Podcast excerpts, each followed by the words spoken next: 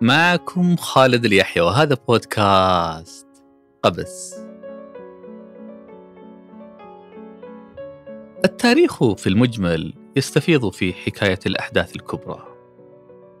التاريخ لدينا يرتكز على معارك ملحمية خطب عصماء اغتيالات مروعة فتوحات غير متوقعة ثورات استقلال سرقات مثيرة معاهدات ومحاولات نكبها كتب التاريخ ملأى بالتتبع الدقيق للتغيرات التدريجية في سير السلاطين والأباطرة والحروب والإغراق في تدوينها وتبجيل نتائجها.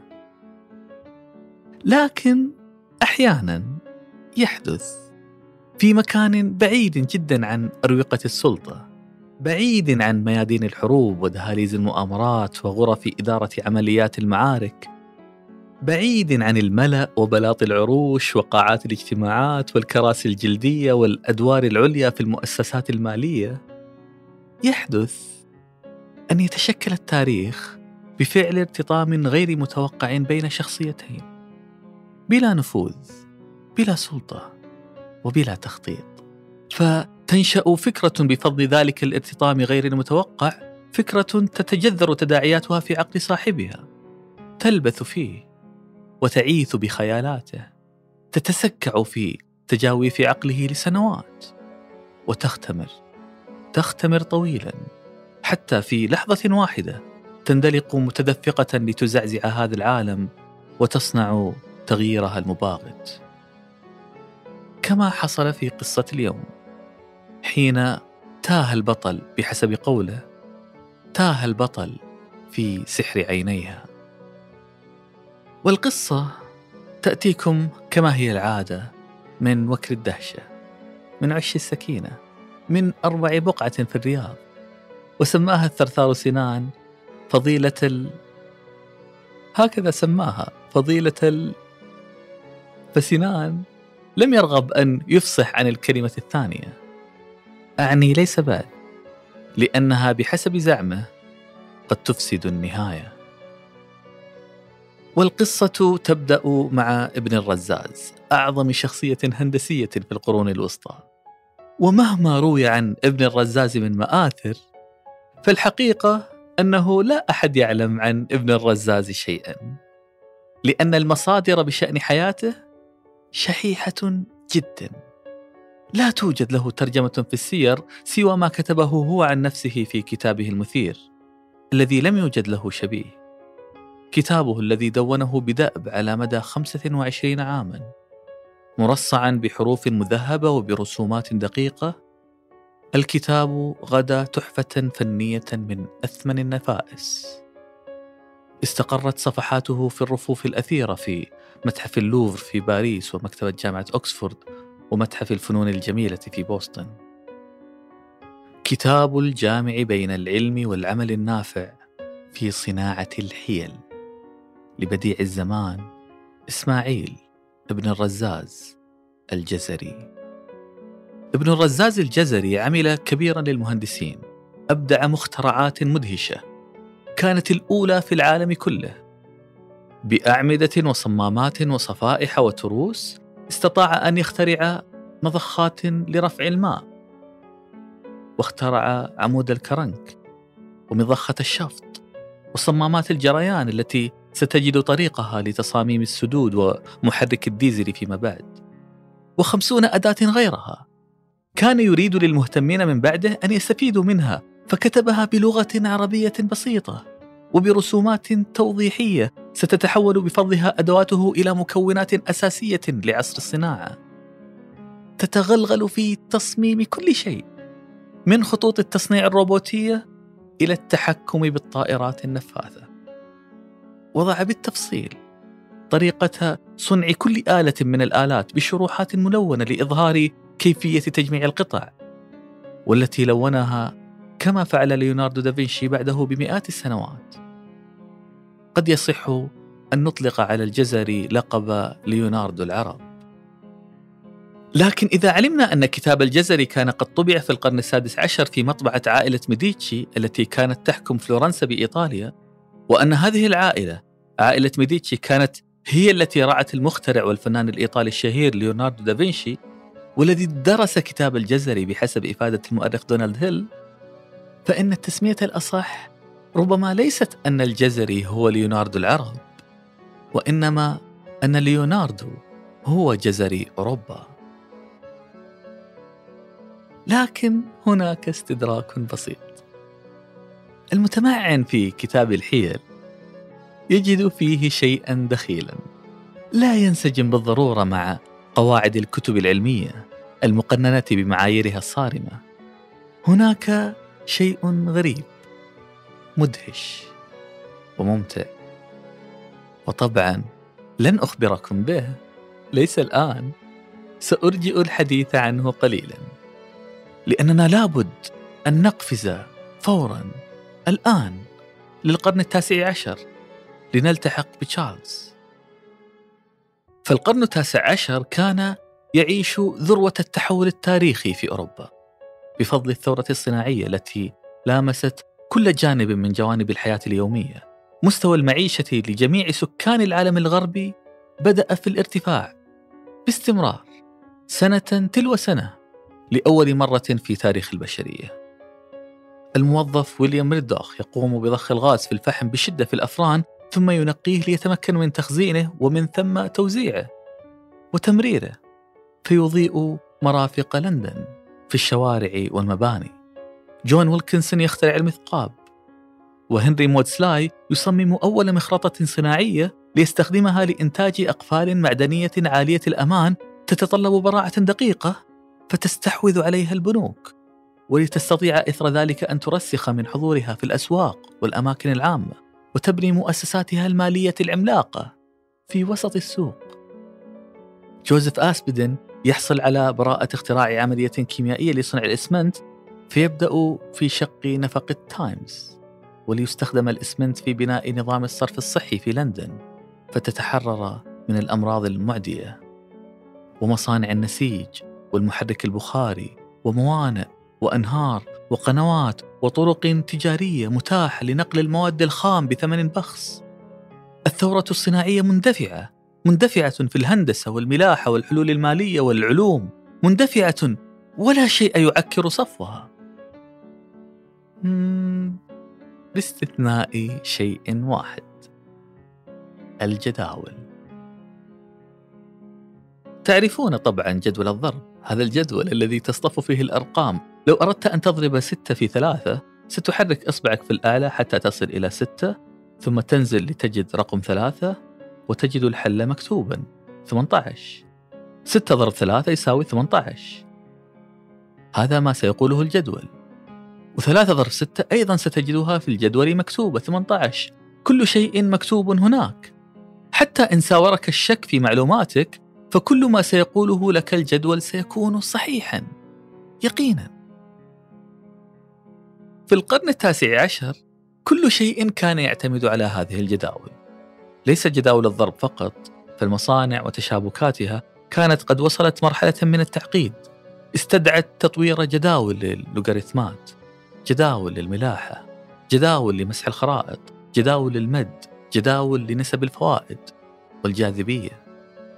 مجلدات ضخمة وعملاقة سخرت لهذه الجداول وجند لها صفوة من جهابذة الحساب. العشرات والمئات من الحاسبين الذين انتدبوا لكتابة وتدقيق وتمحيص كل رقم في هذه المجلدات. الحاسبون كانوا العملة الأندر في زمانهم، وبفضل مجيء النظارات التي أطالت عمرهم القراء والكتاب، صار للحاسبين مهنة يخلصون لها بتفان حتى نهاية العمر. مهنة نادرة ومحورية تغلغلت في تركيبة الثورة الصناعية وانتعشت بفضلهم بفضل أولئك المؤتمنين الأوفياء للأرقام الموثوقين النصوحين البررة. لكن مهما تباهينا بهؤلاء الحاسبين وأشدنا بمناقبهم ومجدنا تفانيهم وقدراتهم الفذة يبقون بشرا ويخطئون. وأخطاؤهم مؤلمة ومدمرة. افرض أن صفحة واحدة من صفحات تلك المجلدات الكبرى الصفحة رقم 143 في المجلد التاسع من جداول المد والجزر لأحد موانئ كاردف هب أن المعادلة التي أنجبت أحد الأرقام في هذه الصفحة حوت رقما خاطئا. رقم واحد بسبب التعب أو الإرهاق. أو خطأ الذي يصف حروف الطباعة أو انسكاب الحبر أثناء الطباعة بطريقة تجعل الواحد سبعة. وطبع ذلك الجدول ووزع على السفن. فأخذ هذا الرقم من قبل البحارة وضرب في ألف ثم قسم على سبعين ودخل في معادلة ثالثة ليحسب الموعد المناسب لرسو السفينة. ما الذي سيحصل؟ ستغرق السفينة بسبب ذلك الخطأ البشري. من واحد من أولئك الحاسبين.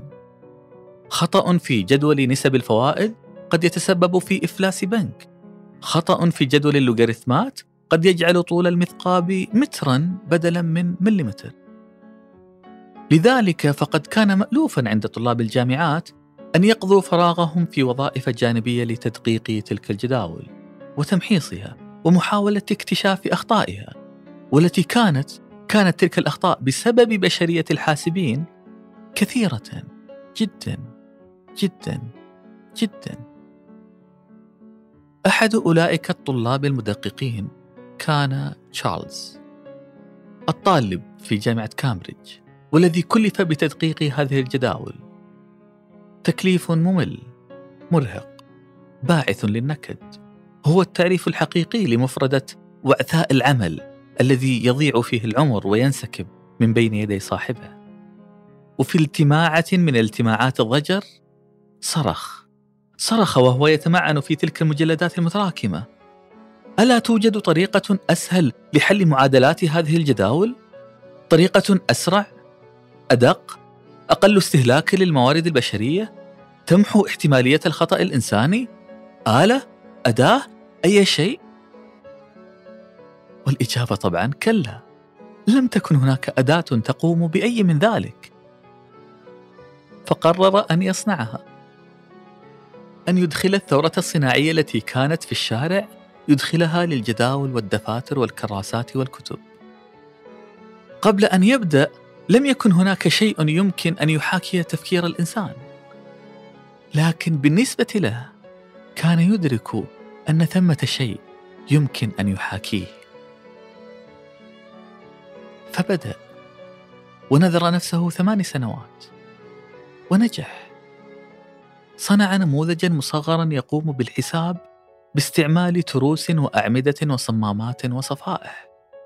وبمجرد نجاحه أخذ دفاتره وأقلامه وأخذ يصمم ما سماها آلة التحليل التي تقوم بعمليات معقدة تقود لطباعة الجداول. آلة فيها ذاكرة memory وعقل. mainframe صممها بكل دقة. آلة من 8000 قطعة من البرونز والفولاذ. رسمها بدقة مذهلة. آلة تحسب ميكانيكيا. وتجدول أي معادلة من الدرجة السابعة بدقة تصل لواحد من مليار. تشارلز يصمم أول كمبيوتر. تشارلز بابج يصنع آلة تحل محل أولئك الحاسبين. الحاسب هو الشخص الذي يحسب man who computes كمبيوتر. ذهب تشارلز بابج بأوراقه للحكومة يلتمس منها أن تمول تصنيع هذه الآلة فكان جوابها طبعا الرفض لأن آلة التحليل كانت مكلفة جدا. لم يحتج فتكنولوجيا ذلك الزمان لم يكن باستطاعتها أن تصنع مثل هذه المعجزة. هو نفسه كان موقنا بذلك. فحفظ كراساته وأودعها في مكتبة متحف العلوم في لندن وظل تصميم حبرا على ورق لأكثر من 180 عاما. حتى قررت إدارة المتحف أن تنفذه. وفعلا نجح قيم المتحف في تصنيع آلة التحليل شامخة بطول يفوق المترين وبوزن يفوق سبعة أطنان. كانت أول كمبيوتر عرفته البشرية وكانت الشرارة لكل ما نعرفه اليوم. تشارلز بابج لم يكن مغمورا. كان نبيلا من سادات لندن وكتاباته في زمانه طبقت الآفاق ونموذجه المصغر استشهد به كارل في كتابه. أعني كارل ماركس في كتابه رأس المال الذي صار فيما بعد الكتاب المقدس للثورة الشيوعية. تشارلز بابج ما زال يعد الأب الأول لفكرة الكمبيوتر. ولم ينازعه أحد على هذا اللقب. أبدا. والآن نعود للجزري. ابن الرزاز الجزري ولكتابه الحيل. المتمعن في كتاب الحيل يجد فيه شيئا دخيلا. لا ينسجم بالضرورة مع قواعد الكتب العلمية المقننة بمعاييرها الصارمة. هناك شيء غريب. مدهش. وممتع. الكتاب قدم حلولا عملية لمتطلبات حياتية كثيرة تواكب تعقيدات التحديات المدنية المتصاعدة.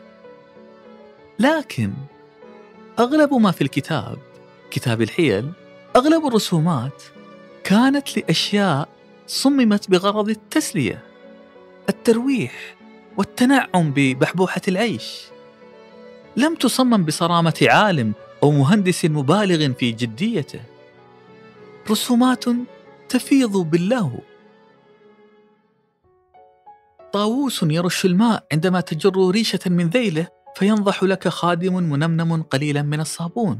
قارب مكتظ بموسيقيين ميكانيكيين يترنمون في البركة. عازفوناي يتحركون بطريقة منمنمة. ساعة بنيت على شكل فيل تدق أجراسها كل نصف ساعة. الجزري أتقن علم من سبقه وأصبح المتفنن في شيء سمي فيما بعد أوتوماتون. أوتوماتون هو روبوت ميكانيكي يقوم بأشياء صممت لغرض الترويح واللعب والتسلية وهو أمر يدعو للحيرة حقا. كيف لهذه العبقرية الفذة هذه القدرة المذهلة على الابتكار أن تسخر نفسها للعب؟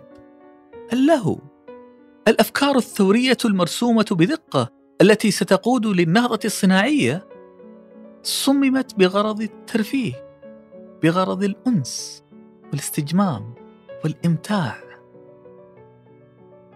نقفز ألف سنة للأمام. الأوتوماتون الذي صممه الجزري صار سلعة رائجة في أنحاء أوروبا وبضاعة يتباهى بها محترفو لندن يحتشد أمامها جمهور يستلطف تلك المخلوقات الميكانيكية الظريفة. بدأ الأوتوماتون بالساعات العامة. بدأت بساعات يخرج منها عصفور يغرد. ثم كبرت. إحدى الساعات كانت فيها منمنمات تخرج فتغرس الفسائل وتروي الأزهار والورود والبنفسج بمختلف الألوان. سميت الساعة بحسب البروشور المصاحب لها جنة عدن. في المستقبل عندما تحتل الروبوتات الأرض وتبدأ بكتابة تاريخها سيشكل هذا البروشور بداية مناسبة لمعجزة نشأة الروبوت. آدم الروبوتات نشأ هناك في تلك الساعة في تلك الجنة. ازدهرت صناعة الساعاتيين. أحدهم كان الساعات الحاذق المحترف صانع الأوتوماتون جوزيف ميرلين. الذي بعد عمر طويل قضاه في صنع ألعاب ميكانيكية مبتكرة قرر أن يفتح ورشته للجمهور أن يرحب بالزوار دون أن يدرك أنه بتلك الدعوة المفتوحة سيزعزع التاريخ. التاريخ في المجمل يستفيض في تناوله للأحداث الكبرى. التاريخ لدينا يرتكز على معارك ملحمية خطب عصماء اغتيالات مروعة فتوحات غير متوقعة ثورات استقلال سرقات مثيرة معاهدات ومحاولات نكثها. كتب التاريخ ملأى بالتتبع الدقيق للتغيرات التدريجية في سير السلاطين والأباطرة والحروب والإغراق في تدوينها وتبجيل نتائجها. لكن أحيانا يحدث في مكان بعيد جدا عن أروقة السلطة. بعيد عن ميادين الحروب ودهاليز المؤامرات وغرف إدارة عمليات المعارك بعيد عن الملأ وبلاط العروش وقاعات الاجتماعات والكراسي الجلدية والأدوار العليا في المؤسسات المالية. يحدث أن يتشكل التاريخ بفعل مواجهة غير متوقعة بين شخصيتين بلا نفوذ بلا سلطة وبلا تخطيط. كما جرى في ورشة الساعات الحاذق جوزيف مرلين في عام 1801 عندما زارته أم مصطحبة معها صبيها الصغير ذي العشرة أعوام. الصبي الذي كان اسمه تشارلز تشارلز بابج. الساعاتي ميرلين رحب بالناشئ الصغير وأدخله مستودعه الأثير ليفاجئ الصبي ب automaton. automaton صمم على شكل فتاة تمشي برشاقة وإغواء وكانت ترقص. صدم بابج بهذه الفتاة الراقصة. هذا اللقاء العابر هذه المواجهة هذا الارتطام في ذلك المستودع أذكى هاجسا قلقا في قلب الناشئ الصغير. فاستهواه عالم الأدوات الميكانيكية وافتتن به خصوصا تلك التي تضاهي وتحاكي ببراعة أدق الخصائص الإنسانية الغامضة وبقيت تلك الجذوة متقدة في فؤاد تشارلز بابج بفضل ذلك الارتطام غير المتوقع فنشأت الفكرة التي تجذرت تداعياتها في عقل صاحبها لبثت فيه وعاثت بخيالاته تسكعت في تجاويف أفكاره لسنوات واختمرت اختمرت طويلا مع أنه درس الرياضيات والفلك وتفوق بهما لكن ذلك لم يثني تشارلز بابج عن أن يصمم آلة تحاكي الإنسان في أدق تفاصيله. تلك الفتاة الراقصة تفوقت في محاكاة جسد الإنسان فجاء تشارلز ليحاكي عقله وليصمم أول أوتوماتون يقوم بالحساب. أول كمبيوتر مبرمج يتخيله عقل إنسان. نحن لا نعرف على وجه الدقه ما الذي جرى بين الصبي الناشئ تشارلز بابج مع الساعات الحاذق مرلين. لكننا نعلم أن الكهل الساعاتي مات بعد اللقاء بسنتين وانتقلت ملكية ورشته بكل ما فيها مرة تلو المرة. تناقلتها الأيادي. حتى أقيم مزاد علني لكل خردواته بعد أكثر من ثلاثين سنة. يومها بعد ثلاثين سنة من ذلك اللقاء في المزاد فوجئ الجمهور المحتشد في ذلك الحراج بواحد من النبلاء يشق الصف. كان واحدا من أبرز علماء لندن تشارلز بابج يقف بين الجموع مزايدا ليشتري أوتوماتون الفتاة. كانت قد أصيبت بالصدأ وعثى بها التقادم.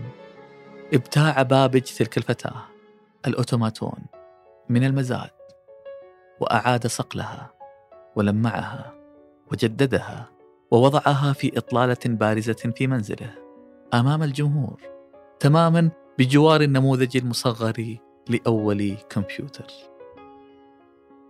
الفتاة الراقصة قرب الكمبيوتر. الكمبيوتر الآلة المفرطة الجدية رمز الثورة الصناعية ورأس المال والحداثة وكل ما صاحبها من حداثة فائقة وسائلة وكل ما بعدياتها. بالنسبة لإنسان محايد يبدو الأمر متناقضا. فالكمبيوتر آلة تجرك رغما عنك للمستقبل. ثم هناك الأوتوماتون المضمخ بالماضي. لكن بحسب ما رواه بابج عن نفسه أن الشغف بالتفكير المغرق بالميكانيكية الذي قاد لأداة التحليل العقلي بدأ من لحظة الغواية في مستودع الساعات الحاذق عندما غاب بابج في سحر عيني تلك الفتاة الراقصة بلا سبب سوى الاستسلام لغيبوبة له اللهو مفردة نادرا ما يتم استصحابها كأحد الدوافع للتغيير التاريخي. التغيير التاريخي نتخيله غالبا معركة من أجل البقاء، من أجل السلطة، من أجل الثراء، من أجل النفوذ. في أفضل الحالات اللهو والترفيه محله الهامش. لم يكن أحد يتخيل أن هذا الزلزال التقني الذي سيهز مفاصل العالم لقرنين من الزمان أن هذه الثورة الكمبيوترية لم تنبثق من تشريعات برلمانية أو معارك حربية وإنما من لعبة لعبة غاص فيها البطل في سحر عينيها. قليل منا من يدرك أن تاريخا له ربما يكون هو تاريخنا الحقيقي. أي زائر من الماضي سيصعقه حجم المساحات التي يجيرها إنسان هذا الزمان للهو وللترفيه. مدن الألعاب المقاهي الملاعب المولات شاشات الآيماكس بيئات كاملة تصمم لصناعة البهجة والانشراح والسرور. تجارب كانت محصورة بشكل استثنائي للأباطرة والسلاطين صارت متاحة للسواد الأعظم من البشرية بمجرد أن تكون متوسط الحال في أي بقعة من بقاع الأرض سيمكنك الاستماع لروائع الموسيقى والاستجمام بالمؤثرات البصرية المعقدة في أفضل أفلام هوليوود ستتذوق ألذ المأكولات كيف؟ كيف لهذه الرفاهية الباذخة أن تصبح جزءا من ممارساتنا اليومية؟ يقال أن التاريخ هو حرب الضرورات وهذا حتما صحيح. لكن البشرية أيضا هي التي تأنس للترويح. لا توجد ضرورة استدعت صنع المقهى ولا السينما ولا ال video games ولا الآيفون. المقهى قاد لصناعة الصحافة والإعلام. الولع بنوع من الأقمشة القطنية ساق للثورة الصناعية. ابن الرزاز الجزري صنع نافورة من ريشة طاووس في أهم كتاب هندسي عرفته البشرية. وتشارلز بابج صنع آلة استشهد بها ماركس في كتابه الذي قاد للثورة الشيوعية لأنه كان قد تاه في سحر عيني أوتوماتون الفتاة الراقصة. يقال أن الحاجة هي أم الاختراع لكن لو أجرينا اختبارا للأبوة فسنجد أن اللهو هو الأب الشرعي لكل المخترعات. سميت هذه الحلقة فضيلة اللهو.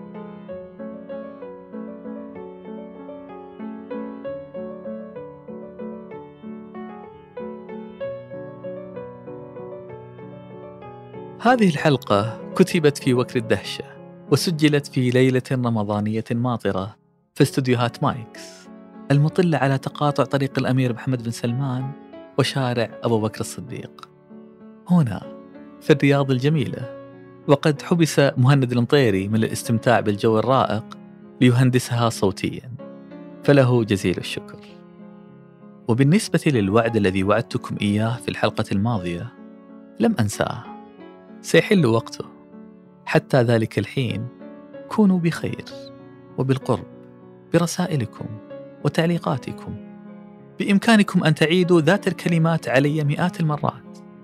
وأنا أعدكم أنني سأستمع لكم دائما في كل مرة كأنها أول مرة. فليست العبرة بالكلمات وإنما بكم أنتم لأني على يقين أن كل الطرق تؤدي لمحبتكم.